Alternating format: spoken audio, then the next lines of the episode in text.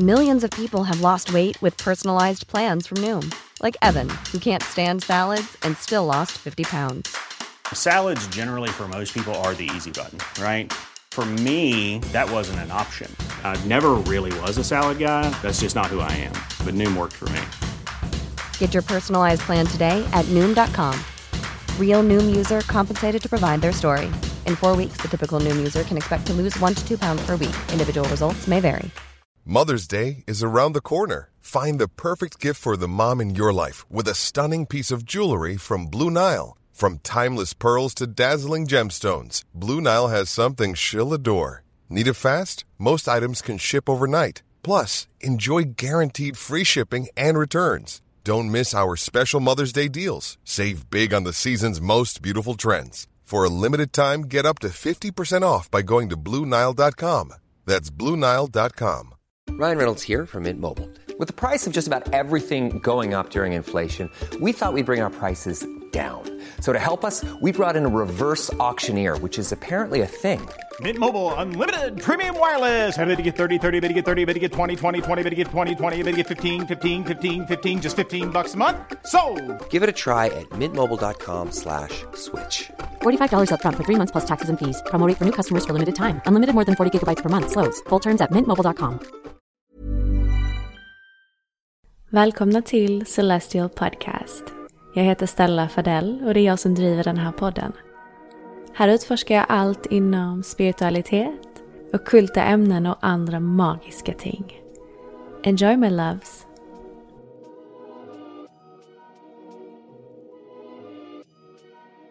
Hej alla magiska varelser och varmt välkomna tillbaka till Celestial Podcast. Jag hoppas att ni alla mår superbra. Idag har vi ett sjukt spännande avsnitt framför oss och vi kommer snacka om astrologi. Och det kommer jag såklart inte göra själv utan jag har ju bjudit tillbaka min partner in crime, min vän och min astrolog Frida Rydqvist. Välkommen tillbaka Frida! Hej, tack så mycket. Det är jättekul att vara tillbaka. Så härligt. Du har ju blivit eh, resident eh, astro astrologist här på Celestial Podcast känns det som. och det är fantastiskt härligt. Jag tycker du är så otroligt duktig så att jag är så glad att våra vägar korsades. Hur länge sedan var det nu? Hur länge har vi känt varandra? Det var inte så länge sedan. Det måste ha varit, gud vad kan det ha varit? Det är mindre än ett år ju. Ja, det är ett mindre än ett Ja. år. Ja.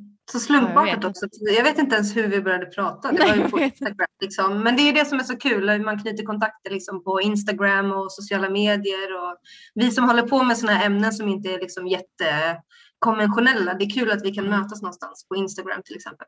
Mm. Ja, jag minns bara att vi började, alltså vi började snacka direkt om värsta flummiga grejerna. Mm. Alltså kom in direkt på Orion Wars och så allt möjligt och det var så, jag bara, vem är den här människan? Men eh, ja, vi ska ju som sagt eh, prata om astrologi och Frida har ju varit med i eh, podden två gånger tidigare. Ehm, och sist hon var med så pratade vi ju om månen, ehm, om alla mån, eh, månens eh, placeringar i de olika tecknen och hur de tar sig till uttryck.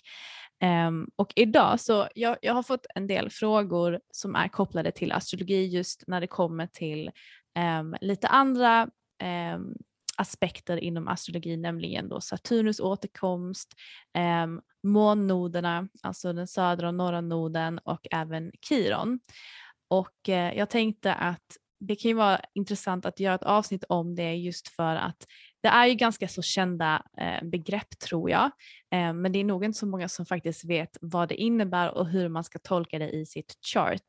Ehm, för att astrologi som ni, som ni vet är ju inte eh, så straightforward som man kanske har en gång tänkt när man tittar till exempel på eh, astrologi i, alltså de här eh, horoskopen, veckohoroskopen i tidningar. Det är ju eh, långt mycket mer komplicerat än det och när man tittar till exempel i Kiron så tittar man ju dels på vilket tecken den befinner sig i men också vilket hus och vilken aspekt den har till andra eh, saker. Så att det, det, det är ganska komplext och om man inte är som Frida en väldigt eh, skillad eh, astrolog så kan det ju vara väldigt svårt och det är det även för mig och eh, jag lär mig varje dag någonting nytt av, av Frida eh, mycket så att eh, det, fanns, det fanns liksom inget annat alternativ än att nej det här tar vi med Frida i ett avsnitt så, så att eh, vi får ordentliga och konkreta svar och eh, ett, ett bra synsätt på hur vi, kan, hur vi kan lära oss om just de här olika aspekterna. Men um, innan vi hoppar in i det så jag är ju i Spanien. Frida du har väl precis kommit hem från Amsterdam va?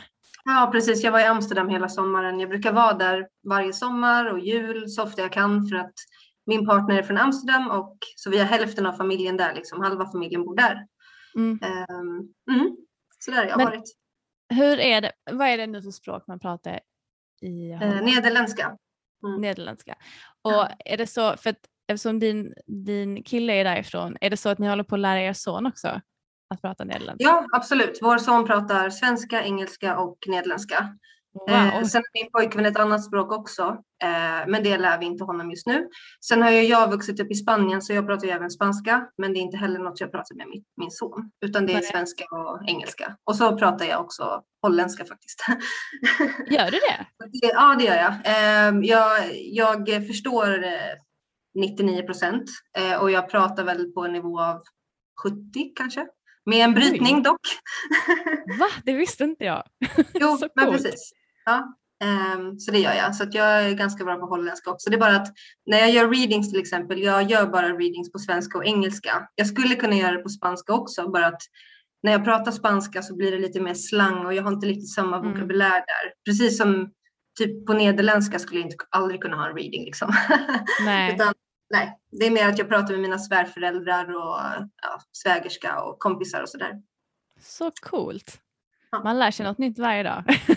Yes. Men eh, vad tänker jag säga, eh, någonting som var lite så intressant eh, var ju att både Frida och jag har ju varit på en kakoceremoni eh, du var ju i Amsterdam och jag var i Spanien men vi var ju med eh, samma host eller om man ska säga vilket var lite kul. Eh, det var ju Linnea Segerstedt som eh, jag pratat om ett, ett, antal gånger här i podden. Ehm, hon är ju främst känd för sin fantastiska human design-kunskap men hon leder även kakoceremonier. Och det var en helt eh, fantastisk upplevelse för min del och eh, det var väldigt, alltså jag menar du och jag Frida vi har ju pratat om hur skönt det var liksom faktiskt kunna ses fysiskt. Och när, när jag var liksom, vi hade ju en väldigt liten cirkel, jag vet inte hur stor din cirkel var men vi var ju bara tre, fyra personer. Och eh, det var väldigt intimt men det kändes som att jag fick liksom komma tillbaka till mitt liksom witchy side och vi satt liksom ju i en cirkel med massa ljus och rökelser och tarot och rakelkort och det kändes bara så, så magical. Det som var coolt när jag gjorde min eh, kakoceremoni det var ju att jag fick träffa mitt spirit animal och det var en väldigt cool upplevelse som jag kommer dela med mig, inte i det här avsnittet men i ett som kommer om ett tag för det kommer ett helt avsnitt om just spirit animals. Så det har vi att se fram emot. Förutom det så tänkte jag bara ge en liten update för det är många av er som har undrat hur det har gått med min hund Snow. Um, för ungefär en vecka sedan så blev han attackerad av en mycket större hund och eh, skadade sig ordentligt så han fick åka in och bli opererad ja, det var väldigt traumatiskt, speciellt för att han är så himla liten. Han väger bara två kilo och eh, ja, det var väldigt hemskt att vara med om någonting sånt. Men han eh, mår mycket, mycket bättre och jag ville bara ge er den updaten för det är många av er som har nått ut till mig och frågat hur det har varit med honom och hur det har gått och jag är faktiskt helt överväldigad över hur mycket fina meddelanden ni har skickat till mig så tack snälla för det. Men han mår mycket bättre, thank God. Um, och eh, en annan rolig update är att jag började i min skola den här veckan. Så ni som inte vet så har jag börjat eh, studera till film och tv-producent. Och anledningen varför jag nämner det lite nu här i början det är just för att det korrelerar ganska så fint med det vi kommer prata om lite senare i avsnittet. För enligt då hur man, när man tittar på liksom lite min kiron och min, mina noder och lite i mitt chart så ser man ju ganska tydligt att detta är någonting som passar min chart eller min ja, astrologiska vad ska man säga, design eller mitt öde ganska så bra. Um, och det tycker jag är så intressant att man kan se sådana tydliga aspekter i ens chart. Um, och det, det är kul också Frida för att jag menar du, även fast du har hållit på med astrologi så länge så jag vet inte, du skriver till mig nästan hela tiden känns det som att hur coolt det är med astrologi och du fattar liksom inte hur man kan se sådana här grejer. Alltså det, det dyker alltid upp någonting nytt och det, alltså astro, astrologi talar ju ett väldigt tydligt språk egentligen när man väl lär sig det, eh, på tal om språk.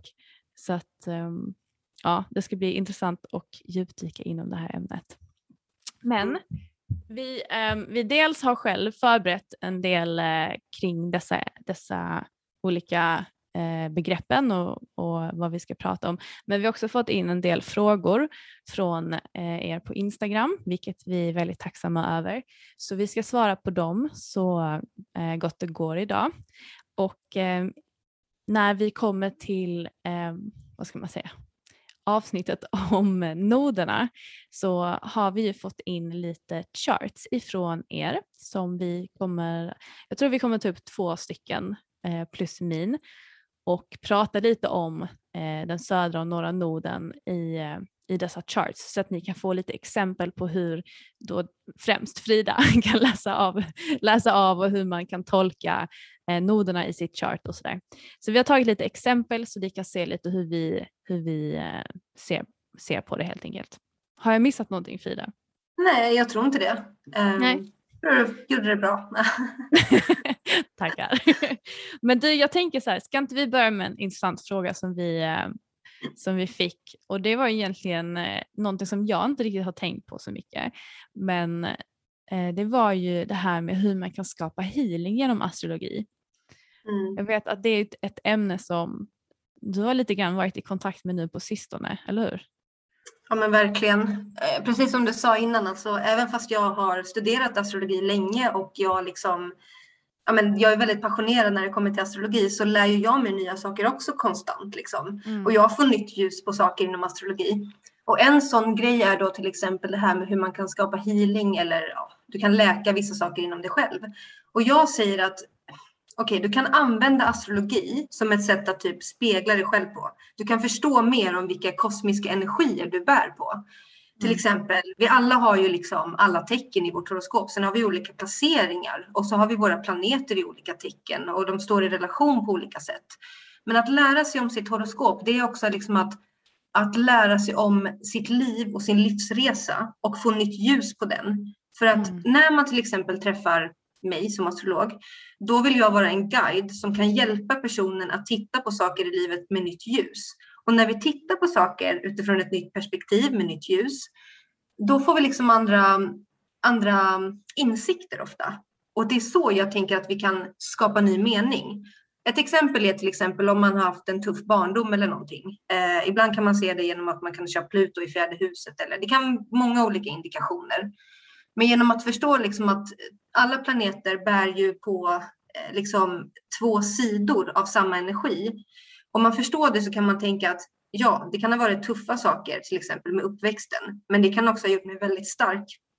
kan ha gjort att jag har en väldigt transformerande energi och att när jag skapar en familj så kommer jag ha en väldigt nära intensivt band till min familj till exempel. Alltså det mm. handlar mycket om att förstå sig på energier och eh, helt enkelt hur du ska eh, kanalisera dem och göra någonting konstruktivt med dem. Och det är det jag mm. kallar för att man skapar nya tidslinjer eller att man skapar liksom healing och integration som leder till nya erfarenheter. För att när du tittar på något med nytt ljus så får du en ny upplevelse och då gör du något annat. Du fastnar inte längre i samma gamla hjulspår. För att det som är, det som är värst är egentligen när man fastnar i alla gamla hjulspår och inte har förmågan att lyfta sig ur det. och det är precis det som kritikerna också ofta säger är liksom faran med astrologi, att man fastnar i någonting och att man glömmer bort sin fria vilja. Men jag säger tvärtom. Mm. Ja, men jag, jag håller med dig. Jag tycker det, alltså det var ju ögonöppnande för mig för jag har liksom inte tänkt på det på det sättet innan. Men såklart om man har varit med om något traumatiskt, till exempel sin barndom och man får liksom det är highlightat genom sin astrolo sin, sitt astrologiska chart så får man ett nytt perspektiv på det och ett annat synsätt på det som gör att man kanske kan eh, komma vidare eller, eller ja, växa ifrån det på ett helt annat sätt. Ja men verkligen och det är det som är så intressant också att ofta när man läser av något i ett horoskop så kommer det vara fler saker som indikerar samma typ av ämne eller ja. samma typ av eh, tolkning men jag tror vi kommer in på det lite senare. Eh, för att vi, men om tittar man på Kiron så det kallas ju för the wounded healer och det, det handlar ju väldigt mycket om saker som man ska hila i det här livet. Eller som eh, typ en akilleshäl som man kanske har med som kanske är någonting som, är, som skaver i sitt liv eller som man kanske inte har eh, naturligt till sig. Eh, eller trauman eller grejer man har varit med om och det är ju någonting man ska då hila under det här livet och det hjälper ju Kironen att inse eller att pinpointa så att säga i sitt chart. Men jag tänker så här, ska vi börja med kanske Saturnus som, eh, som avsnitt eller vad vi ska säga. Men absolut, att... vi kan börja vad du vill. Det går jättebra. för att alltså Saturnus återkomst är ju ett väldigt eh, intressant ämne för just mig just nu, just för att det är någonting som jag går igenom just nu. och eh, alltså det finns ju väldigt mycket, jag skulle nog säga att innan jag gick in i Saturnus återkomst, jag hade inte stenkoll på vad det innebar, men jag vet om att jag hade en ganska så här, typ en klumpaktig känsla i magen, för att det, det är ganska mycket så negativt eh, runt omkring det tycker jag. Ehm, och jag känner att vi kanske behöver bryta det mönstret lite grann och inte se det som någonting hemskt och traumatiskt. Traumatiskt kanske det är men det, det kommer av en anledning för att man ska eh, bryta sig loss kanske från mer destruktiva mönster och växa ifrån det och kanske då som du säger komma in i en ny timeline, byta perspektiv helt enkelt. Alltså innan, ska vi, ska vi kanske klargöra lite vad Saturnus står för som planet? Mm, ja men absolut. Um, man brukar säga att vi brukar dela upp planeter liksom i de inre och de yttre planeterna. och Saturnus brukar vi benämna som den planet som är liksom eh, den sista planeten vi kan se med vårt blotta öga. Det är planeten som har ringar, ringar runt sig, liksom. det ser ut som ringar. Vi ja. kan se den på himlen, eh, men vi brukar inte kunna se längre bort med vårt eh, nakna öga, öga så att säga. och Saturnus inom astrologi relaterar vi till stenbocken, tionde huset. Och man skulle kunna säga att Saturnus står för allt det som är liksom eh, det står för begränsningar, mognad, det står för tid, det står för liksom realiteten, det står för allting som är liksom på något sätt eh, hårt och strukturellt. Alltså det är även ansvar? Regeringar, ja, precis. Ansvar, det är regeringar, det är mognad, det är typ uthållighet, det är att kunna vara motståndskraftig. Det är alla de typerna av eh, av ord som vi förknippar mm. med Saturnus. Man kan också tänka begränsningar då eftersom att det är en planet med ringar och att det är den sista planeten vi kan se med vårt blotta öga. Så det markerar liksom begränsningen på det vi kan det. se utåt. Och det som är också med Saturnus det är att jag ser ofta att människor är rädda för Saturnus. Och det tycker jag är väldigt synd. För att jag tror att det här länkar tillbaka till liksom, ehm, mer medeltida astrologi när man pratade om Saturnus, Satan. Man brukade koppla samman Saturnus ah. med Satan. Ja. Um, och Saturnus är liksom Kronos, alltså det är, man brukar tänka på det som liksom eh, fadertid. Och att Saturnus det är en hårdare energi, men där måste vi komma ihåg, om vi pratar om astrologi som en energilära också, en hårdare energi är inte en dålig energi. En lättare energi är inte en bättre energi det där vi måste förstå. Alltså vi fastnar ofta i vårt mänskliga tänkande när vi vill eh, sätta en hierarki på energier. Men inom astrologi går det inte riktigt att tänka så för att vi måste förstå liksom att varje energi är värdefull i sig och att vi kan använda de här energierna konstruktivt på olika sätt. Det är bra ibland att ha gränser. Det är bra ibland att ha struktur. Det är bra med mognad. Det är bra med hårt arbete. Mm. Så det är så viktigt att förstå att Saturnus är ingen dålig planet. Det finns inga dåliga planeter. Det är bara olika energiuttryck. Mm. Ja, och jag känner det är ganska, det är ganska viktigt med eh, struktur och begränsningar för att annars så blir allting så himla flytande. Och då blir det ju väldigt svårt att navigera sig i sitt liv om man inte har någon riktning. För jag känner att det är det Saturnus också hjälper, hjälper till med, liksom sätta riktning på saker och ting. Um, så jag, jag ser Saturnus som en väldigt eh, lärorik planet. Eh, och, mm. och när den har sin återkomst i grund och botten så innebär det då att den, den kommer tillbaka till, sin, till den platsen som den befann sig på när du föddes helt enkelt. Och det tar ju, vad är det, runt 28 till 30 år för den att ja. göra sin omloppsbana. Um, och den befinner sig just nu i Vattumannens tecken och det var ju det tecknet den befann sig i när jag föddes. Så jag har ju då min Saturnus i Vattumannen. Och eh, när vi, vi pratade lite om det här innan också för att när jag tänker på eh, Saturn return då tänker jag ju omedelbart på att okej okay, men så fort Saturnus går in i Vattumannen, alltså så fort den perioden börjar, då är det Saturn return. Men du sa ju någonting intressant där med att själva, var det orben? Um, ja precis. Um, på, bara så att man kan få lite det perspektivet också. Precis. Um, det första jag bara kan säga också relaterat till vad du sa, hur lång tid det tar för den att gå runt solen, eller ja, mm. ett, liksom en orbit. Det är ju runt 28-29 år. Och eh, om vi säger 28 då, så kan man tänka så här också. Mm. Eh, Saturnus startar någonstans i ditt horoskop när du föds. Mm. Sen kommer det ta sju år. Då kommer det vara i kvadratur. Det är en viktig tidpunkt i ditt liv, sju år. Ofta börjar vi skolan då. Det är en mognadsprocess som tar plats där. Den första eh, Saturnus kvadraturen.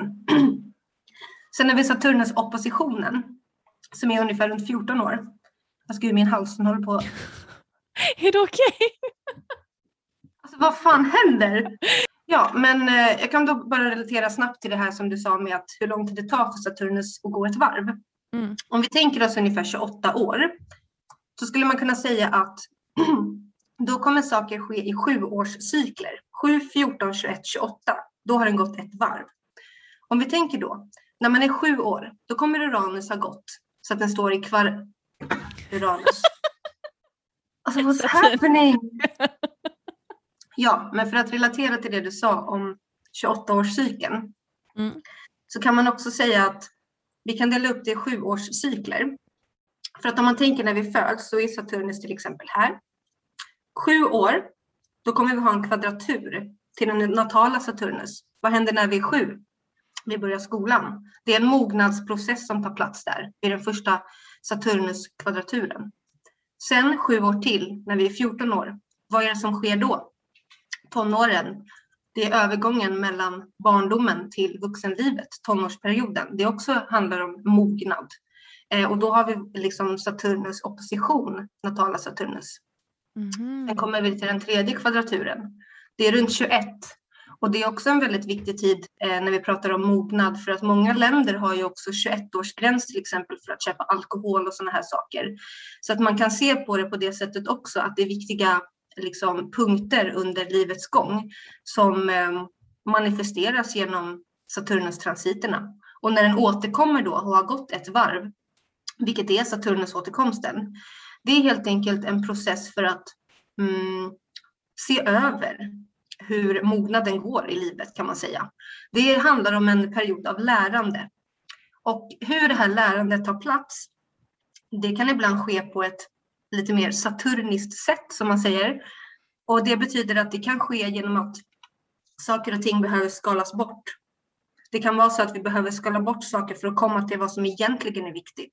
För mm. Saturnus är väldigt, väldigt, väldigt mån om vår utveckling och är väldigt mån om vår mognad och att vi ska bli mer motståndskraftiga. Vi ska få mer liksom uthållighet eh, mm. av livet och vi ska också få mer tro på livet. Och då kommer Saturnus ibland under återkomsten att eh, göra det här på sättet som att, liksom, att skala av saker i ditt liv. Skala av saker som kanske inte är det allra viktigaste för dig. Och det är just det här, det här är grunden till varför Saturnus har fått dåligt rykte ibland. För att folk kan vara rädda. De kan säga så här. Och nej, nu har jag min Saturnus återkomst. Nu kommer jag bli av med mitt eh, jobb, jag kommer bli av med min relation, kanske du vet, allting kommer förändras. Men där vill jag liksom verkligen peka på det här att vi måste jobba ut efter vår tro också och det här med att lita på livet för att en Saturnus återkomst, alltså det finns inga, ingenting där ute som vill förstöra ditt liv eller vill göra saker jobbiga för dig bara för att. Utan när vi pratar om Saturnus så är det verkligen ett syfte med det helt enkelt. Det är ett syfte med att kanske skala av vissa saker som man trodde var viktiga för att komma till den egentliga kärnan och då bygger du en större mening och en större mognad och uthållighet i ditt liv. Exakt. Och, alltså jag, det här med, jag, har, jag har inte tänkt på det här med sjuårscyklar heller så där fick jag också lära mig någonting nytt. Det var väldigt intressant. Men sen tyckte jag också det var kul, jag läste någonstans att någon kallar Saturn return for the cosmic puberty. alltså, det är nästan alltså, som att man verkligen gör en transition in till det här vuxna livet. Så det handlar ju mycket om mognad i, på olika sätt i olika faser. Um, och för, för min del så handlar det också om mycket, eh, för att återknyta till det du också sa, men det handlar ju om att, att eh, jag ser det lite som en katalysator att, att faktiskt eh, skicka dig i den riktningen som är aligned med hur och vem du ska vara. För oftast så när man är yngre så kanske man testar på många olika saker. Man kanske hamnar lite fel, exempelvis med mig. Jag hamnade ju inom en bransch jag egentligen inte skulle vara i, vilket blev väldigt tydligt för mig nu när jag har min Saturn return. Så jag håller ju på att ändra hela mitt liksom yrkesliv håller på att ändras nu från en sak till en annan. Och jag känner att Saturnus är liksom den som har verkligen you know, eh, satt mig på ett, ett språngbräda in i den riktningen som jag ska vara på. Så mm. Eh, jag känner att allt det som inte är, nu blir det väldigt mycket svengelska här, men eh, det är så lite min hjärna fungerar, men det som inte är i linje med vem du ska vara, eh, det är det som liksom skalas bort och det kan vara väldigt tufft, speciellt om man har varit i en relation länge med någon eller man kanske då har varit i ett, ett, eh, ett en eh, arbetsplats eh, länge och man blir bekväm och man kanske tänker att ja, det här är nog ganska så bra. Men är det inte någonting som är menat för dig så kommer det att visa sig ganska så tydligt under Saturn return, tror jag i alla fall. Och det är min erfarenhet av det. Men det ja, som sagt kan ju vara jättetufft och vara en käftsmäll att bli av med pojkvän, jobb eller man behöver flytta eller vad det nu kan vara. Men man får verkligen försöka se det som att det det finns liksom en mening bakom det och det är för att du ska, liksom, du ska ha en annan riktning i livet egentligen som är mer i linje med vem, vem du ska bli och vem du är. Precis, um, och där återigen som jag säger, lärandeprocessen när man jobbar med astrologi, det är så viktigt att komma ihåg det. Och eh, som du säger, nu är du på väg att byta bana i ditt liv. Men tänk om du till exempel var mer fast i materialismen, till exempel. Du vill ha en hög lön, då kanske det hade varit jobbigare för dig att börja plugga nu. Mm. Till ja, exempel. Mm. Men det här visar ju att du sätter till exempel ditt intresse och självuttryck före sådana saker. Mm. Alltså Frida, hur är det med din hals? Alltså, jag vet inte vad som händer. Nej, oh men så. Jag tog lite honungsvatten, jag tror det blir bättre nu. Um, Vadå, satte känns... du bara vanlig honung i kallt vatten? Ja. Jaha, fan vad sjukt. det, är ett bra exempel du tog upp där för att om du till exempel hade stretat emot och du inte vill ta den här livsvägen nu och plugga och göra någonting som jag relaterar mer till ditt femte hus där du har väldigt mycket planeter som handlar om självuttryck och det handlar även om kanske om saker vi kopplar samman med typ lejonet, det är liksom ja. drama och sådana här saker. Um, om du skulle liksom inte varit okej okay med att släppa på din höga lön och det jobbet du hade innan, då hade ju du hamnat i en kris. Men att du är villig att följa med nu i livet och de energier som tar dig vidare, det visar ju också på att du kan komma närmare ett autentiskt uttryck av dig själv. Mm. Det är det. Man ska inte streta emot de här energierna för att Saturnus, eh, den kommer liksom eh, sätta dig rätt oavsett du vill eller inte. Och sen kan du streta emot hur mycket du vill. Men därför är det så viktigt att försöka jobba med sin tro helt enkelt och, och det här med att lita på livet. För att ju mer vi stretar emot desto värre blir det bara. Så go with the flow och försök lyssna mer på vad är ditt autentiska uttryck. För det är det Saturnus vill, vill få dig att uttrycka. Ja, verkligen. Och det här kan ju låta eh, jag försöker alltid konkretisera det för att, att, att veta vad sitt autentiska uttryck är kan ju vara ganska svårt um, och, och bolla ner det och få, få liksom det rent konkret som sagt. Men om jag bara talar utifrån min erfarenhet så handlade det om att jag inte mådde bra på mitt jobb överhuvudtaget och det gjorde att jag tappade mycket av min livsglädje. Jag tappade mycket energi. Um, jag eh, tyckte det var jättejobbigt helt enkelt. Och jag, jag klandrar inte jobbet i sig, för det var ett fantastiskt jobb. Det var bara inte för mig.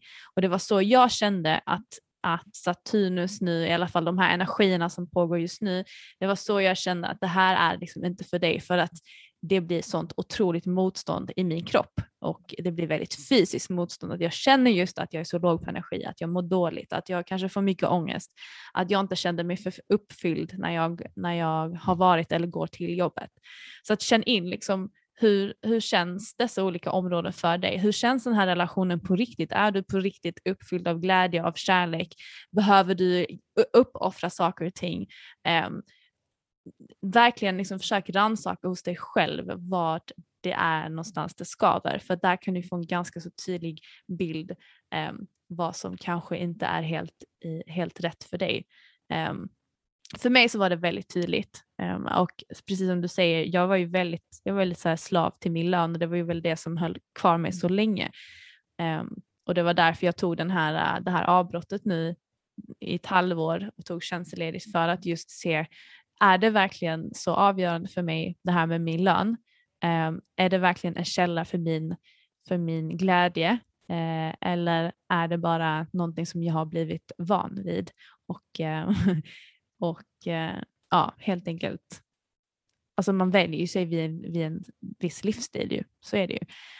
Ehm, det blev väldigt tydligt för mig att när jag tog mig själv ur min, mitt jobb och tog mig ur liksom min, min lön och allt det här som tillkom så var det absolut inte det som gjorde mig glad utan det som gjorde mig glad var ju min frihet och att, att nu påbörja den här nya banan i mitt liv och hålla på med podden och kreativitet och alla de här bitarna.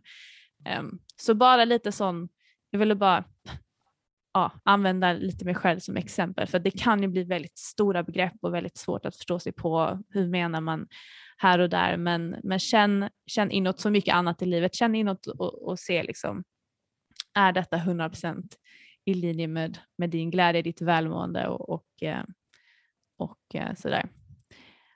Jag hoppas att det ja, var... Det är, helt, det är jättebra förklarat. och eh, där kan vi också säga liksom att jag som astrolog, jag står verkligen för det här att försöka lugna människor så att vi inte spädde på sådana här fördomar. Och det kan mm. ha att göra med också att jag i mitt horoskop, jag har månen i skorpionen, jag har Saturnus i första huset. Alltså jag är inte så, jag är inte så rädd för sådana här skrönor och mörker. Alltså jag är inte det. Nej, jag är the darkest of the dark, så jag är inte så rädd.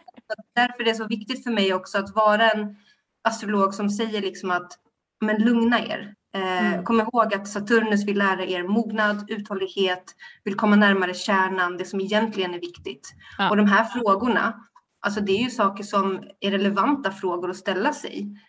Är man slav under sin lön eller gör man något som, liksom, som hjärtat vill? Det är så viktiga frågor att ställa sig för sin mognad. Och vi måste ja. också komma ihåg att under eh, livets gång, beroende på hur länge man lever, vi har ju den första Saturnus-återkomsten där runt 29, 28, 29, 30 års ålder. Men sen har vi också den andra då, runt 60 års ålder. Och sen har vi i så fall, om vi lever så länge, en tredje runt 90 års ålder. Så att vi har ju de här eh, liksom, eh, ja, processerna återkommande under livets gång. Mm. Och de alla visar på någonting som har att göra med liksom att eh, förstå vår mognad eller eh, lite grann, vad säger man, mm, ja, men liksom gå, gå över, till, se över sitt liv lite grann. Mm. Så det är viktigt att komma ihåg. Mm. Absolut. Alltså jag har aldrig frågat dig hur din Saturn return var. Ja. Var den också väldigt så här omtumlande eller? För att vissa, alla behöver ju inte uppleva att den är så omtumlande. Eh, men vissa Nej. har ju det väldigt jobbigt. Men hur var det för dig? Ja, men precis. Jag har en liten teori också om att det kan ha att göra med hur, hur, hur man eh, relaterar till Saturnus i sitt eget horoskop. Eh, det är min mm. lilla teori. Till exempel att jag har ju Saturnus i första huset i stenbocken och det är en väldigt stark placering i första huset. Så jag känner av Saturnus dagligen på en daglig basis i min identitet. Och jag tror att under min återkomst, det hände inte så jättemycket. Det var innan som hade att göra med andra saker. Mm. Men under min återkomst, jag fick faktiskt mitt första barn då. Och mm. där ser vi återigen hur ordet mognad kan tolkas på olika sätt. För att det är inte bara att du blir av med saker, du kan även få saker. Det kan även komma saker till dig. Att få barn, det är ett, verkligen ett prov på mognad eh, och uthållighet. Så att där måste vi komma ihåg liksom att vi får inte gå in i det här och börja tolka saker innan vi har upplevt vad det faktiskt är. Och vi måste hålla oss öppna och vi måste tänka att det finns faktiskt något gott med sakerna som kommer till mm. oss också. Ja, verkligen. verkligen. Ja, det är väldigt intressant men jag tror verkligen inte att man ska se det som... Alltså jag tror också att jag var ju, jag var ju medveten om Saturnus eh, återkomst, vad det innebar i stora drag, inte så detaljerat men ändå jag förstod liksom konceptet och därför var jag väldigt öppen för vad som kunde hända. Jag visste liksom så att att lite grann ta mig ur den här eh, offermentaliteten. Varför händer det här just till mig? Och tänkte så här, okej, okay, men det här, everything is happening for me and not to me, eh, vilket är liksom ett mått jag lever efter. Och eh, jag tror bara att om man möter det med mindre eh, mindre motstånd så kommer det vara lättare att hantera också. Och Kom ihåg också Saturnus, eh, apropå tid, tålamod, långsiktighet. Mm. Att när vi är i de här processerna så måste vi också praktisera tålamod. Vi måste ja. jobba med vårt tålamod. För ofta när det so sker saker i livet då kan vi inte se det i stunden. Vi kan inte förstå i stunden varför sådana här saker händer. Mm. Men sen när vi blickar tillbaka och ska börja liksom lägga ihop pusslet, då kan vi förstå varför det här händer just då. Eh, och då blir vi oftast tacksamma. Så jag skulle också vilja be folk att liksom eh, var mer i saker och ting och tänk bara på att göra nästa sak. Tänk inte för långt hela tiden. För du kommer förstå det sen i ett annat perspektiv när du blickar bakåt. Mm, absolut. Okej. Okay. Noderna då, Frida? Mm. Jag har ju fått lite frågor kring det. Alltså det var ju en fråga som hoppade ut till mig och det var är nodes of karma samma sak som norra och södra noden? Alltså vad är, hur kommer karma-biten in i det hela? Um, jag tyckte det var lite intressant men vi kanske kan börja lite med vad eh, norra och södra noden faktiskt representerar i vårt chart. Ja, ja men verkligen. Man kan väl säga då att när vi pratar om noderna Okej, när vi pratar om ett horoskop rent generellt så pratar vi om planeter, vi pratar om asteroider, olika punkter i horoskopet. Noderna, det är ingen planet, det är ingen asteroid, det är ingen liksom, komet, det är inget fysiskt objekt. Noderna, det är helt enkelt en abstrakt punkt. Det är att man genom en matematisk formel har eh, räknat ut, eh, alltså typ hur månen skär solens omloppsbana. Kort mm. enkelt förklarat. Mer än så behöver vi inte veta just nu. Mm. Eh, så det kan vi säga så. Så det är en abstrakt punkt. Och eh, de här byter tecken ungefär ett, ja, var 18 månad. Ja, någonstans där, ett och ett halvt år ungefär. Och det betyder också att människor kommer att födas som i ska vi säga, grupper med samma nodtecken, om, ni, om du förstår vad jag menar. Vilket mm. betyder att jag har många vänner som är födda runt samma år som jag, som har sina noder i samma tecken som jag. Vilket betyder då, om vi pratar om noderna som någonting som har att göra med vårt syfte, som har att göra med lite av det vi tidigare har integrerat, det vi kan, det vi bär med oss och det vi ska bli mer utav.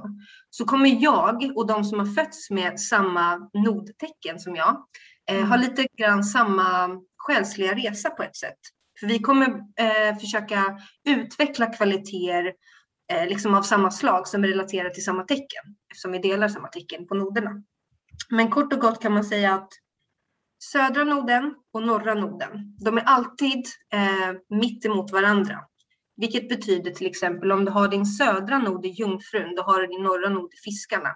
Har du din södra nod i kräftan så har du din norra nod i stenbocken. För att det är mm. alltid motsatt. Det är så det funkar. Mm. Och det visar ju verkligen på den här liksom integreringen då som ska ske för att södra noden, det vi kommer med, det vi bär med oss och hur vi ska integrera och bli mer av den norra noden. Eh, och när de är motsatta varandra, alla motsatstecken, de jobbar ju lite på samma typ av tema kan man säga. Det är bara att de tar sig uttryck på olika sätt och de står för lite olika saker inom det temat. Ett exempel kan vara om vi pratar om jungfru och fiskarna som är motpoler. Så om man tittar på det då, motpoler, eftersom noderna, norra och södra noden, alltid är motsatta tecken. Mm. Så ett exempel är då till exempel att de kommer utspela sig på lite samma teman, men de kommer ha olika uttryck. Jag brukar tänka på det som typ Jungfrun kan man tänka som en faktabok och Fiskarna kan vi tänka som en fantasybok. Båda är typ mm. böcker, båda är berättelser. Men, men Jungfrun är då faktaboken och Fiskarna är fantasyboken. Eh, det kan vara ett exempel eh, lite grann. Så och smart. Att då in, att integrera de två, det är det som är liksom utmaningen för att vi ska inte glömma bort det vi bär med oss från den södra noden. Eh, för att det är någonting som kommer mer naturligt för oss och det är vår första del av livet. Det är liksom det vi bemästrar första delen av livet. Och om man tror på tidigare liv så är det någonting som man kan säga att vi bär med oss från tidigare liv. Men sen kommer ju utmaningen då att integrera och bli mer av och gå i riktning mot den norra noden. Eh, vilket är egentligen motsatt, motsatstecknet till det man redan har integrerat. Mm, just det. Um, vi har ju fått en till fråga här. Um, den är på engelska men vi kan ju svara mm. på den på svenska för jag vet att den här personen kan svenska. Uh, can you talk about South Node versus North Node? Det har vi ju lite gjort. I'm mm. struggling mm. with my Virgo South Node tendencies a bit. Alltså att man är ju bekväm i den här södra noden. Det är det man kan. Det är det som kommer liksom naturligt till en. Um, hur, hur ser du lite på den frågan Frida? Ja men precis. Uh, jag har ju den placeringen också själv. Jag har, ju har också du en, ja, jag har södra noden i Jungfrun och uh, norra noden i Fiskarna. Ah. Uh, så att jag relaterar till det här också personligen. Och jag skulle säga att det som kan vara lite då, för det är ofta så som du säger, man känner sig trygg med den södra noden, med det som det uttrycket som den skapar beroende på tecken, hus, aspekter. Så det är viktigt att liksom utmana sig själv lite när man blir medveten om det här. För mig till exempel och för andra med södra noden i Jungfrun. Vi kanske har tendenser att analysera, oroas lite väl mycket för saker och ting. Vill gärna jobba hårt. Det kan finnas ett visst mått av typ perfektionism. Att, eh, ja, men ganska analytisk energi liksom och sådär. Mm. Och jag brukar tänka då, för det vet ju att alla tecken har ju en fras som korresponderar till tecknet. Till exempel eh, jungfrun har I analyze, jag analyserar. Och eh, om vi då tittar på vad fiskarna, motsatstecknet, har för fras så är det I believe, alltså jag tror. Och där kan vi också se lite vad, vad det är vi behöver röra oss mot. Vi behöver träna oss då med södra noden i Jungfrun på att ibland släppa det analytiska, släppa det här behovet av att förstå, kontrollera, eh, vara duktig, eh, jobba hårt och allt det här. Eh, och istället gå in lite mer till att surrender och tro, våga tro och liksom överlämna lite mer åt det här större, det större syftet. Eh, så det skulle jag säga. Så det är jätteviktigt att hela tiden alla situationer som man hamnar i där man vill börja kontrollera. Till exempel nu när du och jag sitter i den här poddsändningen. Mm. Jag skulle ju kunna haft världens dokument med bara en massa nedskrivna eh, punkter på vad jag ska säga och hur jag ska säga det och hur det ska komma ut. Liksom. Men istället kan jag också prova att utmana mig själv och gå med i fiskarnas energi som är I believe. I can do this. Liksom, det finns något högre som guidar mig. Det kan jag surrender to. Så det är lite hur man kan eh, förkroppsliga sin norra nod till exempel med den placeringen. Just det, så intressant. Och hur, hur ska, man, ska, man, ska man bry sig om huset också som noderna står i? Ja, absolut, det tycker jag. Mm. Eh, man bryr sig om huset, man bryr sig om tecknet, man bryr sig om aspekter som noderna gör. Till exempel har jag mina noder i kvadratur till Jupiter som är min horoskopshärskare. Och det för mig betyder att eh, mitt syfte och varför jag är här också handlar mycket om att uttrycka mig kreativt, lite som en, ja, sprida kunskap. Alltså det är någonting som är med mitt syfte här i livet. Och mm. att connecta det med en tro på något högre, liksom lite mer spirituella ämnen. Eh, så det är väldigt viktigt att förstå det i sin helhet. Men man kan börja med att bara förstå det utifrån tecken. Det är helt, helt okej. Okay. Mm. Ja, det är bra att börja någonstans i alla fall. Så, så jag, jag brukar säga att södra Norden det är liksom min comfort zone och norra Norden är outside of my comfort zone. Ja. Helt enkelt. Så södra Norden det är det man har burit med sig, det som kommer naturligt till en och norra Norden är liksom dit man ska eh, navigera sig mot i det här livet som kanske är lite mer utmanande men kommer att vara väldigt utvecklande för dig. Eh, vi har ju fått lite olika charts eh, som vi ska titta på. Så att ni mm. som hänger med i videoformat, eh, ni kan se de här chartsen alldeles strax. Och vi kan ju börja faktiskt med att titta på min chart, ska vi se. Och sen så har vi valt ut då två eh, av våra lyssnares charts. Jag ska bara dela min skärm här. Ja. Då ska vi se. Ja. Så, ja. då är det här ju mitt chart. Um, ska se om jag kan... ah, ser du min muspekare Frida? Ja, det gör jag. Mm. Så här är ju då min nod. Och om man Mhm. har ehm, om man använder sig av astro.com så står det här true node. Mm. Det är ju då samma sak som en norra nod och då kan man bara eh, titta på oppositionstecknet vilket i Ja. mitt fall blir då kräftan.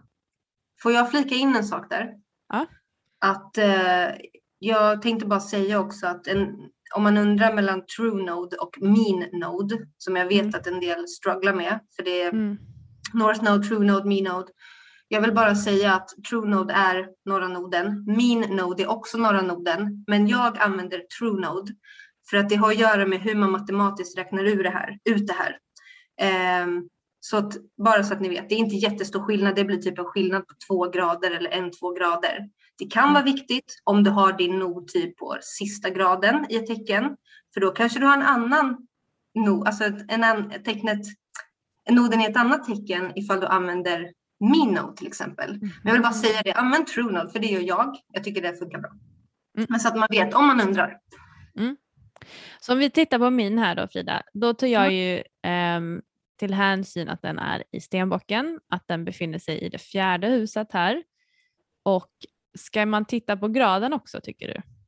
Nej, det behöver du inte börja, till, börja göra till en början utan jag skulle mer försöka förstå, nu är inte det utritat på astro.com då för att eh, vanligtvis så skulle du kunna se då den södra noden mitt emot den norra noden. Nu ser man inte det på astro.com men jag ser det i mitt program till exempel. Mm. Mm. Så man kan förstå det också så liksom att okej, jag har min södra nod i tionde huset och min norra i fjärde huset. Vad betyder det? Man kan börja där. Mm. Och man, då skulle man kunna göra så här att okej, vad står fjärde huset för? Ja, men det står ju för liksom din bas. Det får, står för typ sättet du tar hand om dig själv. Det står för din trygghet. Det står för typ ditt hem och allt det här. Hur du connectar med liksom basen. Att ha norra noden där för mig, det säger någonting om att i det här livet så kommer det, eh, vad ska jag säga, utvecklingen utvecklingen kommer utspela sig på den arenan mycket. Det kommer handla mycket om att hitta din trygga bas, alltså din inre stabilitet helt enkelt, ditt hem. Mm. Eh, det handlar mycket om det för dig. Ehm, och om man förstår det sen utifrån tecken, att du har den i stenbocken, skulle man kunna säga liksom att alltså stenbock, på samma sätt som att vi pratar om Saturnus mognad, stenbocken handlar också mycket om mognad på ett sätt. Det handlar kanske om att då i det här livet eh, försöka gå mer mot att hitta mognad i dig själv och stabilitet i dig själv. Och gärna någonting som är lite kopplat till ditt kreativa uttryck eftersom att noden närmar sig det femte huset. Så att hitta den tryggheten i dig själv, den mognaden och liksom stå upp för dig själv i den här kreativa processen. Det skulle jag säga är en ganska viktig sak för dig. Mm. Och om man tittar på ehm, eh, södra noden, vad tänker du där? Ja, men södra noden, jag skulle kunna säga kanske att eh, för kräfta, det står ju mycket för att ta hand om, det står för det är känslomässiga. Alltså, Mm. kräftan är lite mer, lite mer beroende av eh, det här emotionella flowet än vad stenbocken är. Så Mm. jag skulle kunna säga kanske att mm, kanske gå ifrån lite av det här behovet av eh, yttre, vad heter det, yttre bekräftelse på ett sätt. Om du förstår vad jag menar. Mm, Alltså absolut. mer hitta kärnan i vad är det du eh, vill? Vad är din bas? Och genom det kommer mognad och genom det kommer också det här kardinala som stenbocken är. Det här att liksom vara ganska mm, självständig på vissa sätt. Hur man relaterar till sin bas, alltså hitta sitt självvärde genom det. Mm. Så det skulle jag säga. Eh, istället för att falla in i det här att man behöver få liksom recognition kanske på grund av att man tar hand om andra som är mycket med kräfta. Eh, så att jag skulle säga att det handlar mycket om att hitta ditt självvärde och din bas utifrån dig och din mognad och vad du vill. Ehm. Mm. Ja, verkligen. Det kan jag relatera till. För att det har varit väldigt många så här eh, tillfällen där jag känner att jag behöver hela tiden bekräftelsen från andra för att veta om jag gör någonting bra eller inte eller om jag är på rätt bana. Och egentligen så vet jag ju det innerst inne men trots det så söker jag ju liksom den här, okej okay, men jag har gjort det här, vad tycker du om det? Att jag liksom hela tiden har det här bollplank, bollplanket och för mig så behöver jag komma till den punkten där jag vet att okej, okay, det jag tycker och tänker, det räcker. Det, that's good enough. Um, jag behöver liksom inte ha alla andras points of view hela tiden. Ja, men verkligen, och det är kul att du säger det för att nu ska jag bara säga hur man också kan se det här holistiskt. För du har ju mm. solen i sjunde huset, eller hur? I fiskarna. Mm. Vilket vi vet är ett tecken där man kan vara lite mer, eh, det kan vara blurry, lite mer blurry lines, utsuddade gränser mellan fiskarna och andra. Mm. Och att ha den i sjunde huset som är huset för relationer och partnerskap och, och kontakt med andra människor. Det kan mm. också göra att linjerna blir lite extra utblurrade där. Och därför ser man verkligen att du har ju en utmaning där att jobba med den här energin och var ditt empatiska jag samtidigt som du hittar din styrka och din mognad i ditt, eh, alltså din trygga bas. Eh, mm. Ja. Jag menar, det är så man kan se tendenser typ i ett horoskop. Ja, ja, men man ser det på flera olika sätt helt enkelt. All right. Jag tänker att vi kollar på nästa. Mm. Ser du den? Mm. Precis. Um, ja, då har vi den norra noden här uppe i lejonet. Mm. I nionde huset för er som inte ser. Ja, alltså det man kan säga kanske om mm, alltså generellt om nionde huset.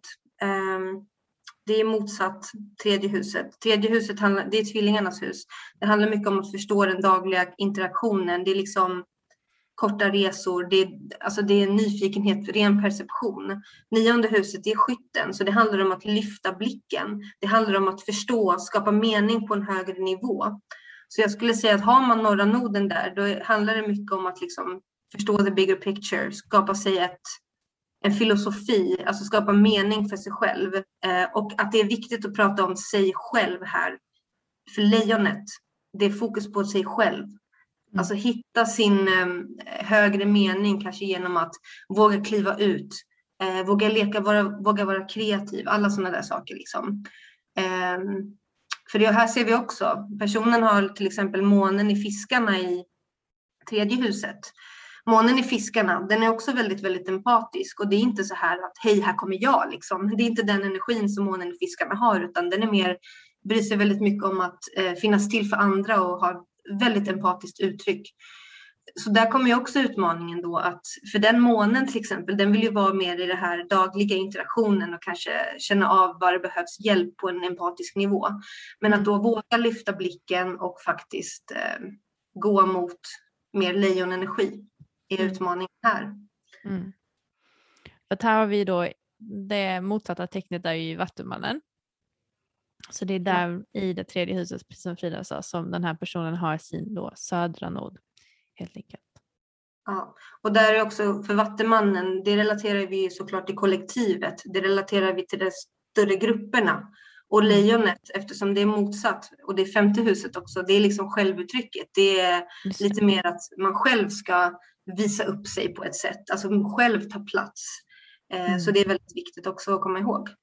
Mm alltså lite kanske att förflytta fokuset, att man kanske är väldigt naturligt, eh, att man bryr sig om och är väldigt insatt i mer grupperna i kollektivet, att man mer identifierar sig i stora massan medan man verkligen ska komma till eh, och, och finna sig själv och sitt självuttryck och mer liksom rikta fokuset inåt till sig själv istället för Ja, och det kan du även se i det här horoskopet eftersom att den här personens Sol är i vågen och vågen är ett relationellt tecken. Det är motsatsen till väduren. Om väduren är hej, här kommer jag, så är mm. vågen den som relaterar till andra.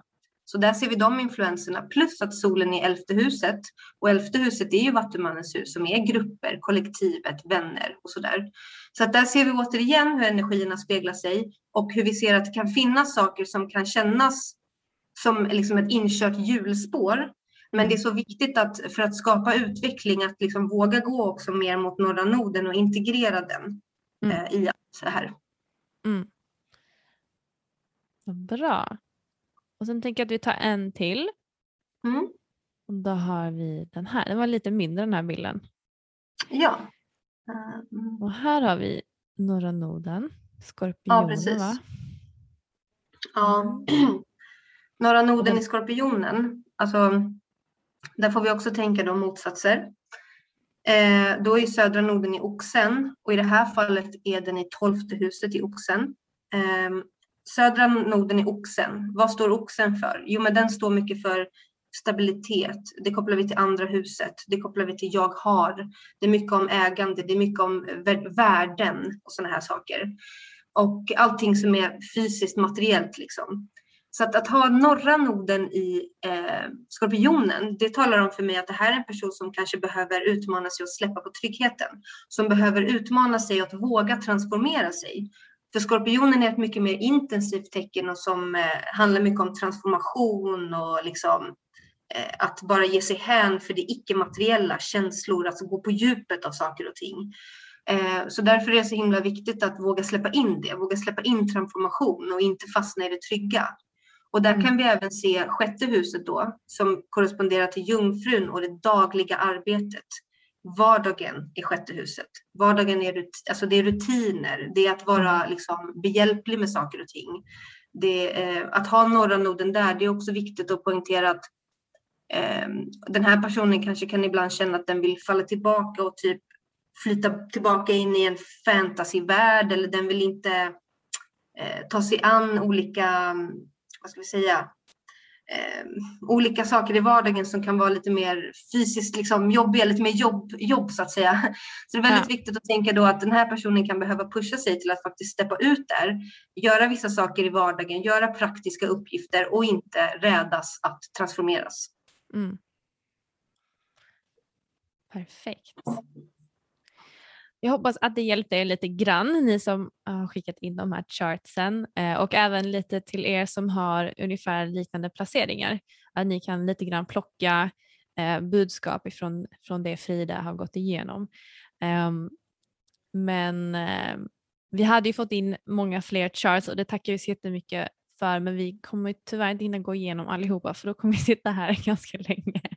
Men det kanske kommer fler sådana här avsnitt eller så kan vi kanske gå in på Instagram live någon gång och eh, kolla på fler charts. Eh, någonting sånt. Men om, är det någonting mer du tänker att vi behöver liksom prata om när det kommer till noderna Frida eller ska vi röra oss in mot Kiron? Jag kan bara säga kort, för det är nog många som undrar det också, noderna och eh, tidigare liv och karma och sådana här saker. Att Mm. Om vi tittar på det inom astrologi, tidigare liv, karma och sådana här saker, så är det, noderna är väldigt viktiga.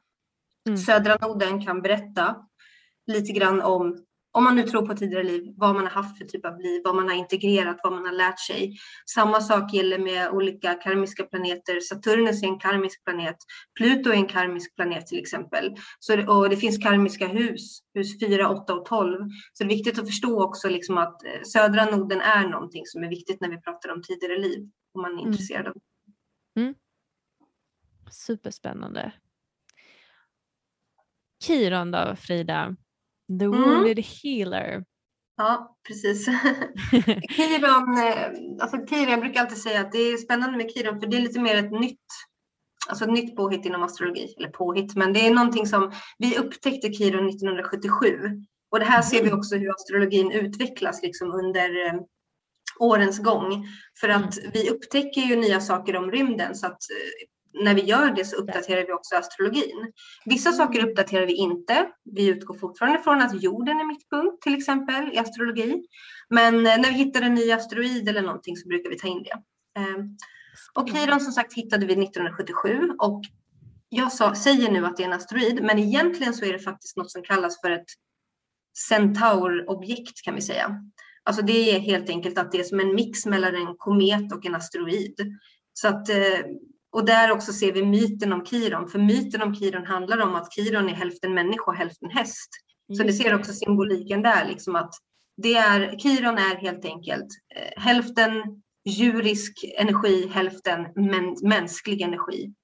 Och det som är så spännande med Kiron är också liksom att det står ju för liksom den, den skadade helaren. Liksom det, det visar på någonting i horoskopet som du kan ha upplevt Eh, som skadat eller som någonting som har varit tufft eller svårt som du har kämpat med.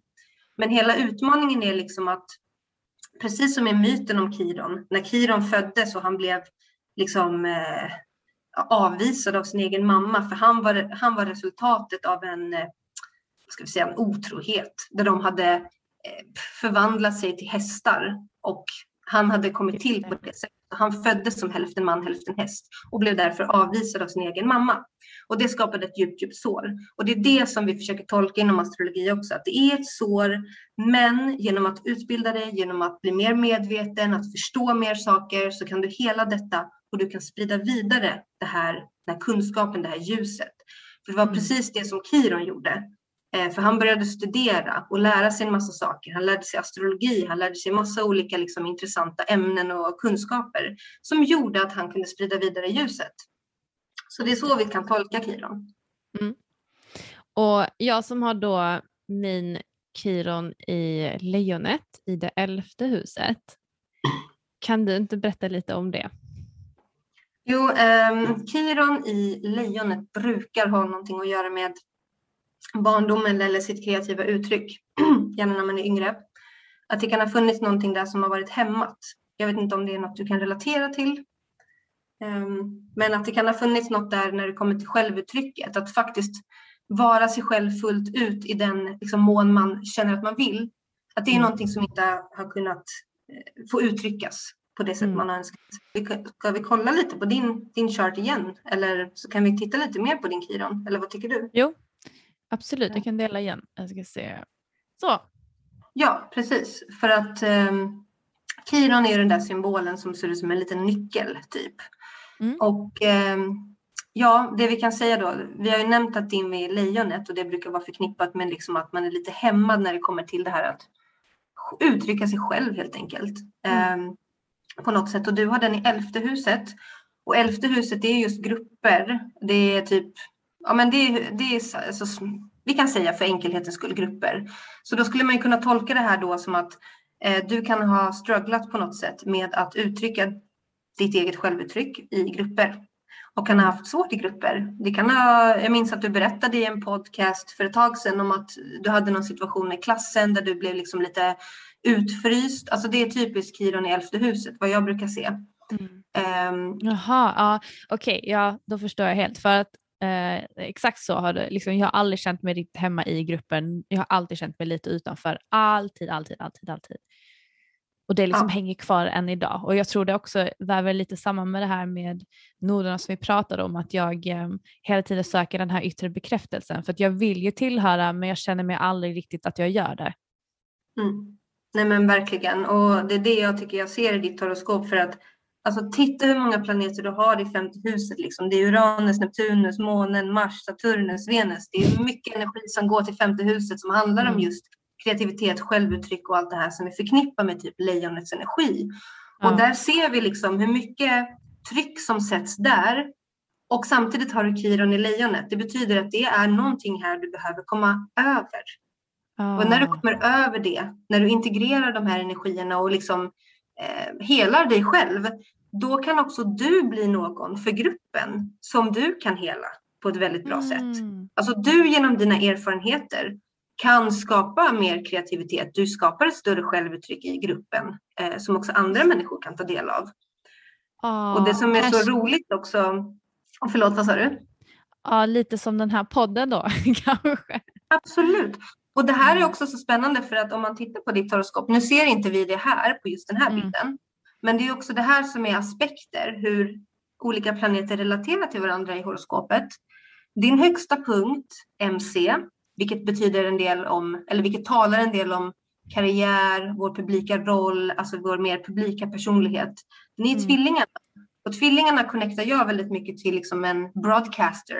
Någon som sitter som du gör nu liksom, väldigt ja. mycket och är väldigt nyfiken. Vi kan se att styraren av tvillingarna, Merkurius, den är ditt sjunde hus som relaterar till andra människor.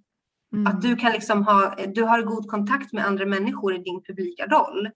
Och vi ser att det är en aspekt, en sextil mellan Kiron i elfte huset och din MC i tvillingarna. Vilket för mig betyder att det är en fördelaktig energi där. Genom att du är mer av den här broadcastern, den som relaterar till andra, är nyfiken, kommunicerar, skapar. då kan du också skapa healing i gruppen. Eh, Mm. För Kiron är ju att du helar dig själv men du kan också hela andra. Just det. Så det är Wow, så fint så att se. Ditt, eh, ja, det är så fint att se att eh, jag tycker verkligen att du har hamnat så rätt på din bana liksom med podden och nu när du har börjat plugga film också. Det passar ju så bra för dig. Du har ju solen i fiskarna. Fiskan styrs av Neptunus. Neptunus är film, konst, liksom allt som är flytande, musik. Och så mycket i femte huset. Det måste till något kreativt här alltså. Ja. ja, och som du säger det här med alltså, yrke, alltså tionde huset det är ju med karriären och det, att den är i tvillingarna mycket med att eh, kommunicera ut, förmedla ett budskap, the broadcaster som du sa. Em, så man ser ju verkligen att saker och ting liksom hör ihop här em, när man väl lär sig. Och detta, detta blev ju väldigt tydligt för mig dels nu så landar det ju många poletter men också liksom genom våra konversationer som vi har haft och det är det som är så jävla häftigt med astrologi alltså att man börjar se olika teman på olika sätt och att de verkligen smälter samman med varandra. Så det är ju skönt för mig att veta att, att, jag, att jag är på rätt spår helt enkelt. Um, och det blir också tydligt väldigt mycket med min Saturn return att uh, nu har jag liksom verkligen skjutsats in på den här banan för att det är ju väldigt tydligt i mitt, i mitt chart att det är någonting sånt här jag ska hålla på med. Och det har väl då Saturnus eh, hjälpt till med att, att se till Ja. att det sker. Och där kan vi också lägga till att ofta, för att på samma sätt som att du har Kiron i lejonet, vilket kan visa på att man har haft lite svårighet att uttrycka sig själv fullt ut kreativt. Mm. Eh, alla, alltså där vi har Saturnus i horoskopet, det är också generellt sett det ett område som mognar senare i livet. För Saturnus Ah, okej. begränsar oss och du har din Saturnus i femte huset, så det blir lite samma effekt där. Det blir att Saturnus har begränsat lite ditt femte hus uttryck, ditt självuttryck. Så där ser vi också hur energierna, alltså vi, vi kan se samma tema bekräftas i flera placeringar. Wow. Och där vill jag också säga att därför ska man ha tålamod, för nu har du din Saturnus återkomst på väg. Ehm, och därför är det så viktigt att förstå att i Saturnus återkomsten så finns det också en möjlighet att faktiskt ehm, ta bort begränsningarna lite grann, Mm. att mogna i det där. Att liksom, ehm, alltså det området kan mogna också under en Saturnus återkomst. Så Mm. glöm inte bort det. Så intressant det här med att eh, jag har liksom inte tänkt på det heller att Saturnus innebär ju att man kanske mognar senare inom Ja. ett visst område. Och jag har ju tänkt själv, bara, men hur kommer det sig att jag har väntat så länge med att faktiskt göra det här? Jag har haft den här drömmen sedan jag var liten, alltså att jobba liksom med film och tv och liksom mer i underhållningsbranschen och allt det här. Alltså det har ju varit en dröm jättelänge men det är inte förrän nu jag har agerat på det. Ehm, så det är ja, super, superintressant. Och tänk lite där då, om vi går tillbaka bara till energilära. Alltså Mm. tänk du vet när du ska spänna en pilbåge, när du drar Mm. tillbaka den här Ja. strängen. Eh, Ja. Alltså det är liksom ett eh, motstånd, alltså det är, det är energi. Sen när du släpper då kommer den åka framåt snabbare liksom. Ju längre bakåt du drar desto mer åker den framåt. Det är så jag menar att vi måste förstå energilära, för liksom jag har Saturnus i första huset. Och ibland kan jag känna så här, vad fan har jag gjort de första 30 åren av mitt liv? Jag kan verkligen känna så, bara, varför har jag varit så tyst? Varför har jag varit så begränsad? Mm. Eh, att, att det är så viktigt att förstå liksom att det kan finnas en mening också för att när du väl släpper på den där bågen, då Mm. kör den. Eh, så att alltså det här motståndet vi upplever, det är inget dåligt. Nej. Wow, alltså det här är så intressant. det är så jävla intressant. Okej, eh, då slutar jag dela nu. Mm. Och ehm, kolla här. Och för er som, eh, som inte följer Frida, jag ska 100% såklart lägga hennes eh, eh, uppgifter i avsnittets beskrivning. Men eh, anledningen till att jag säger det är för att Frida har gjort ett helt, en hel Instagram, eh, en reel va? eller en video om just Kiron. Så om ni vill höra mer om, eh, om Kirons mer mytologiska berättelse och lite mer om just Kiron så kan ni alltid gå in och lyssna på den för den var väldigt bra och informativ. Om man ska Ett- sammanfatta det, ja då kan du säga det som att det är ingen planet, det är en mix mellan en eh, asteroid och en komet. Och det visar, Kiron i horoskopet visar ofta på eh, någonting där man känner ett tillkortakommande, där man kan känna som ett sår. Det kan vara emotionellt eller fysiskt till och med. Ibland har man ett, ett R i pannan med Kiron i första huset. Så det kan vara fysiskt också. Jaha. men det är väldigt viktigt att komma ihåg att det är inget som säger att du är dålig. Du känner som att du har ett tillkortakommande. Men det är så viktigt att förstå att alltså, när, vi är, när vi blir healers och när vi skapar healing, då handlar det om en integrering, eller hur? Det handlar om att förstå vad i mig är det jag har jobbat med då har jag fått en erfarenhet. Med erfarenhet kommer empati och kunna relatera till andra. Genom den processen kan jag också hjälpa andra genom saker och ting. Så att, att förstå den processen att vi behöver hela saker inom oss själva och integrera och när vi gör det så skapar vi mening för oss själva och andra. Mm. Så återigen, inte tänka på det som någonting dåligt eh, utan mer som en potential i det. En potential att bli mer av sig själv. Mm. Och sen kan man ju antingen boka en, läsning med en astrolog med Frida eller så kan man ju läsa lite på internet också. Det finns ju jättemycket information att hämta.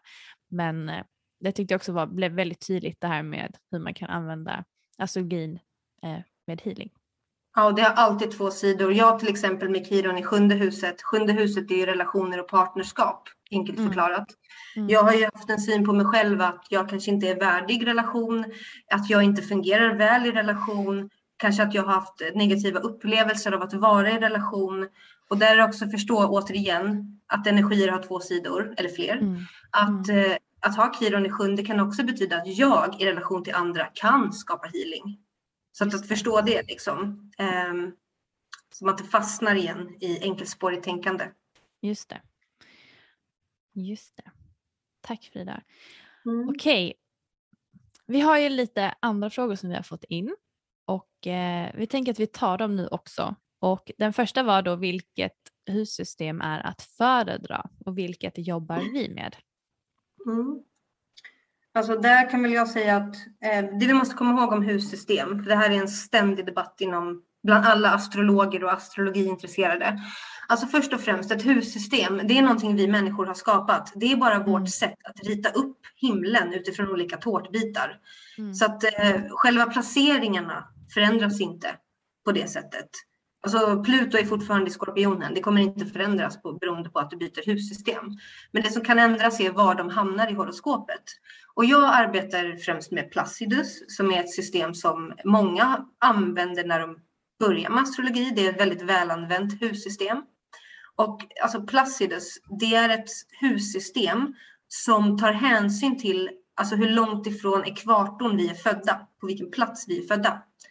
Sen finns det andra hussystem som inte tar hänsyn till det. Och jag skulle bara säga så här liksom att kom ihåg att det här är något vi själva har skapat, människorna, för att dela in eh, himlen i olika sektioner. Och man måste känna efter själv vad man resonerar med. För att det är samma sak, jag skulle inte kunna säga liksom att men en tarotlek är bättre än en orakellek eller den här tarotleken är bättre än den där tarotleken. Utan det handlar verkligen om liksom, vilket verktyg är det som du känner att du resonerar till. Och det kan även så att, vara så att man får börja med ett hussystem och sen får man prova sig fram och testa ett annat. Jag vet om astrologer som har bytt hussystem flera gånger. Mm. Eh, så jag vill bara säga det liksom att jag föredrar Placidus och det är det jag lär ut. Men om man är nyfiken på att lära sig om något annat hussystem, då kan man eh, hitta astrologer i Sverige som jobbar med till exempel pole sign eller de jobbar med Porrfilm. lika hussystem. Ja, porr, alltså det finns massa olika. Eh, Just det. Och jag tänkte också säga, vi fick ju några eh, charts skickade till oss som just använde ett annat hussystem och därför har vi liksom inte valt att ta upp dem idag. Och det är ju vissa, det var ett par stycken av er som är födda väldigt, väldigt högt upp i Sverige och därför använder man inte i det fallet Placidus så som, så som, eh, som system. För eh, precis som Frida sa att det tar ju hänsyn till ekvatorns eh, läge och eh, då funkar det inte riktigt om man är född högt upp. Nej, horoskopet kommer se väldigt konstigt ut. Det kommer vara vissa hus som är jättesmå och vissa är jättestora. Så då kan man testa och typ ändra inställningen och kanske använda koch istället eller något. Mm. Um, Okej, okay. vad är viktigast i ens astrokarta? Ascendenten, soltecken eller måntecken eller är det någonting annat man ska ta hänsyn till? Ja, det här är också så här trick question. Men eh, alltså självklart så måste jag säga helheten. Det var jättetråkigt att säga helheten. eh, alltså jag kan bara förklara kort hur jag gör nu när jag är astrolog. Alltså för mig så är det så här, okej okay, jag sätter mig, jag lugnar ner mig, jag går in i mig själv lite grann. Sen öppnar jag horoskopet och då ser jag en helhet. Och då kommer det upp saker till mig Eh, det kommer upp liksom som jag försökte förklara nu för dig. Jag ser teman, jag ser saker som går in i varandra. Jag kan bygga en historia utav det.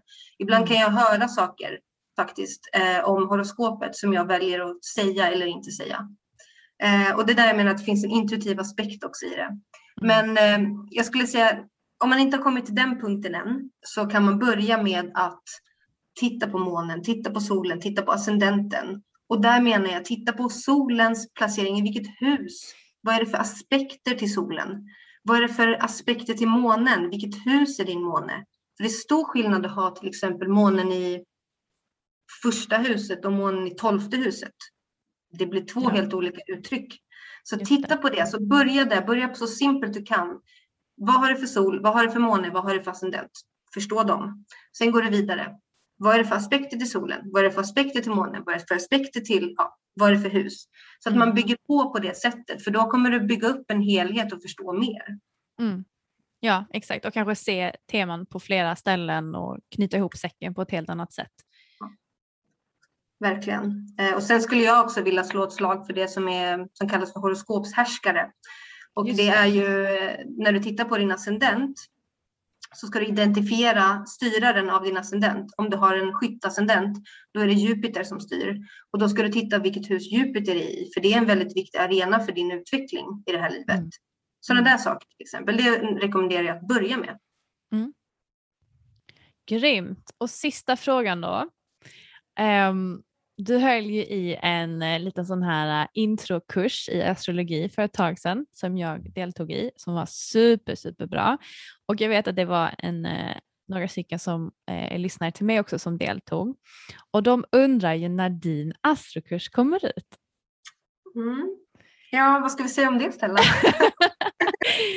Okej, så att vi, ehm, jag älskar ju astrologi som ni vet. Jag är dock en hobbyastrolog och lär mig fortfarande väldigt mycket. Och sen har vi då Frida som är en astrologguru ehm, som har ju hur mycket erfarenhet som helst och har varit astrolog i tio år. Och vi tänkte, Jag kan vi rättar dig där Stella. Ja, Får jag rätta dig där? För jag tror jag har varit astrologi i tidigare liv också. Ja. Okej, fair play, fair play. Men eh, vi tänkte att det kan ju bli väldigt kul att kombinera eh, våra både intressen och erfarenheter och sätta samman en, eh, en kurs eh, tillsammans istället. För att jag kom ju lite mer med de här nya ögonen, liksom vad är relevant att lära sig när man är ny, eh, vad kan vara viktigt att veta när man är lite mer ny Eh, och Frida liksom ser ju helheten på ett helt annat sätt så vi får liksom båda perspektiv. Och, eh, och vi tänkte, men fan vad kul om vi gör detta tillsammans för jag vill ju lära mig mer och det kommer jag att göra genom att samarbeta mer med Frida. Så vi har faktiskt eh, vi har faktiskt redan börjat jobba på en kurs tillsammans och eh, den kommer bli så jävla bra och jag är så exalterad och det vet jag att Frida också är att kunna dela den med er. Och den kommer att vara både i videoformat och i, eh, vad ska man säga, i skrift. Så man kommer kunna ta del av båda, olika form, båda formaten. Um, och vi kommer att eh, ge er mer information om exakt datum när det släpps, när det närmar sig. Men ni kan ju i alla fall ta med er det att vi håller på att jobba på en väldigt bra kurs som man kan bygga på i flera olika steg helt enkelt. Har jag missat någonting? Nej, jag tror inte det. Eh, För att det det handlar om är ju liksom att eh, visa på hur komplex astrologin är, men också visa på hur lätt det är faktiskt att börja. Att du kan ta ner alla de här komplex, kom- komplexa begreppen och tolkningar på en praktisk nivå. Och du kan använda ditt, liv som ett komplement för din egen utveckling. Exakt. Och vi kommer hoppa in i massa olika områden och det finns ju hur mycket som helst att lära sig som sagt. Och, ehm, och ibland när Frida pratar med mig så måste jag säga stopp nu pratar du alldeles för avancerat, nu måste jag förstå vad detta innebär för mig. Liksom. Och det är det som jag tror liksom, det blir det intressanta med båda våra liksom, eh, eh, perspektiv in till det här. Så jag hoppas att ni kommer tycka om det och vi kommer såklart med mer info när det närmar sig. Men håll utkik, det kommer alldeles strax. Ja, det ska bli jättekul. Mm, verkligen. Okej mina vänner, jag tror att vi nog ska hålla det där. jag vet inte hur länge vi har pratat men säkert en timme minst. Um, ja. Men jag hoppas att ni tyckte det här var ett lärorikt avsnitt där ni fick lära er lite mer om just de här olika aspekterna och begreppen. Om ni vill lära er mer så är Fridas Instagram en jättebra plats att börja. Hon lägger ut jättemycket bra information och videos som är jättelätt förståeliga. Så um, gå in och checka hennes Instagram och ni kan ju även boka läsningar hos henne. Det är väl på din hemsida som du Ja. gör bokningar? Ja. Jag länkar, allt, jag länkar allt det där i eh, avsnittets beskrivning så ni lätt kan hitta till Frida. Mm. Ehm, men Frida, tack ännu en gång att du var med. Ja, tack och jag hoppas nu att alla ni där ute som älskar astrologi och är nyfikna att ni känner er stärkta och liksom inte är rädda för Saturnus återkomsten eller är rädda för de här transiterna för att det är bara energier och att vi tolkar dem som negativa och jobbiga det är bara en, ett uttryck för liksom samhället, hur samhället ser på energier. Så att kom ihåg det, bryt er loss från det. För att det finns inget farligt med astrologi utan det här är ett verktyg vi kan använda för att nå mer självutveckling. Helt enig. Alright hörni, tack snälla för att ni har checkat in och lyssnat och eh, om ni vill så får ni jättegärna börja prenumerera på min Youtube-kanal för att för er som inte vet så finns ju även alla avsnitt hädanefter i videoformat. Så ni behöver bara söka på Celestial Podcast på Youtube och så hittar ni kanalen där. Annars så får jag bara tacka ännu en gång för att ni har lyssnat.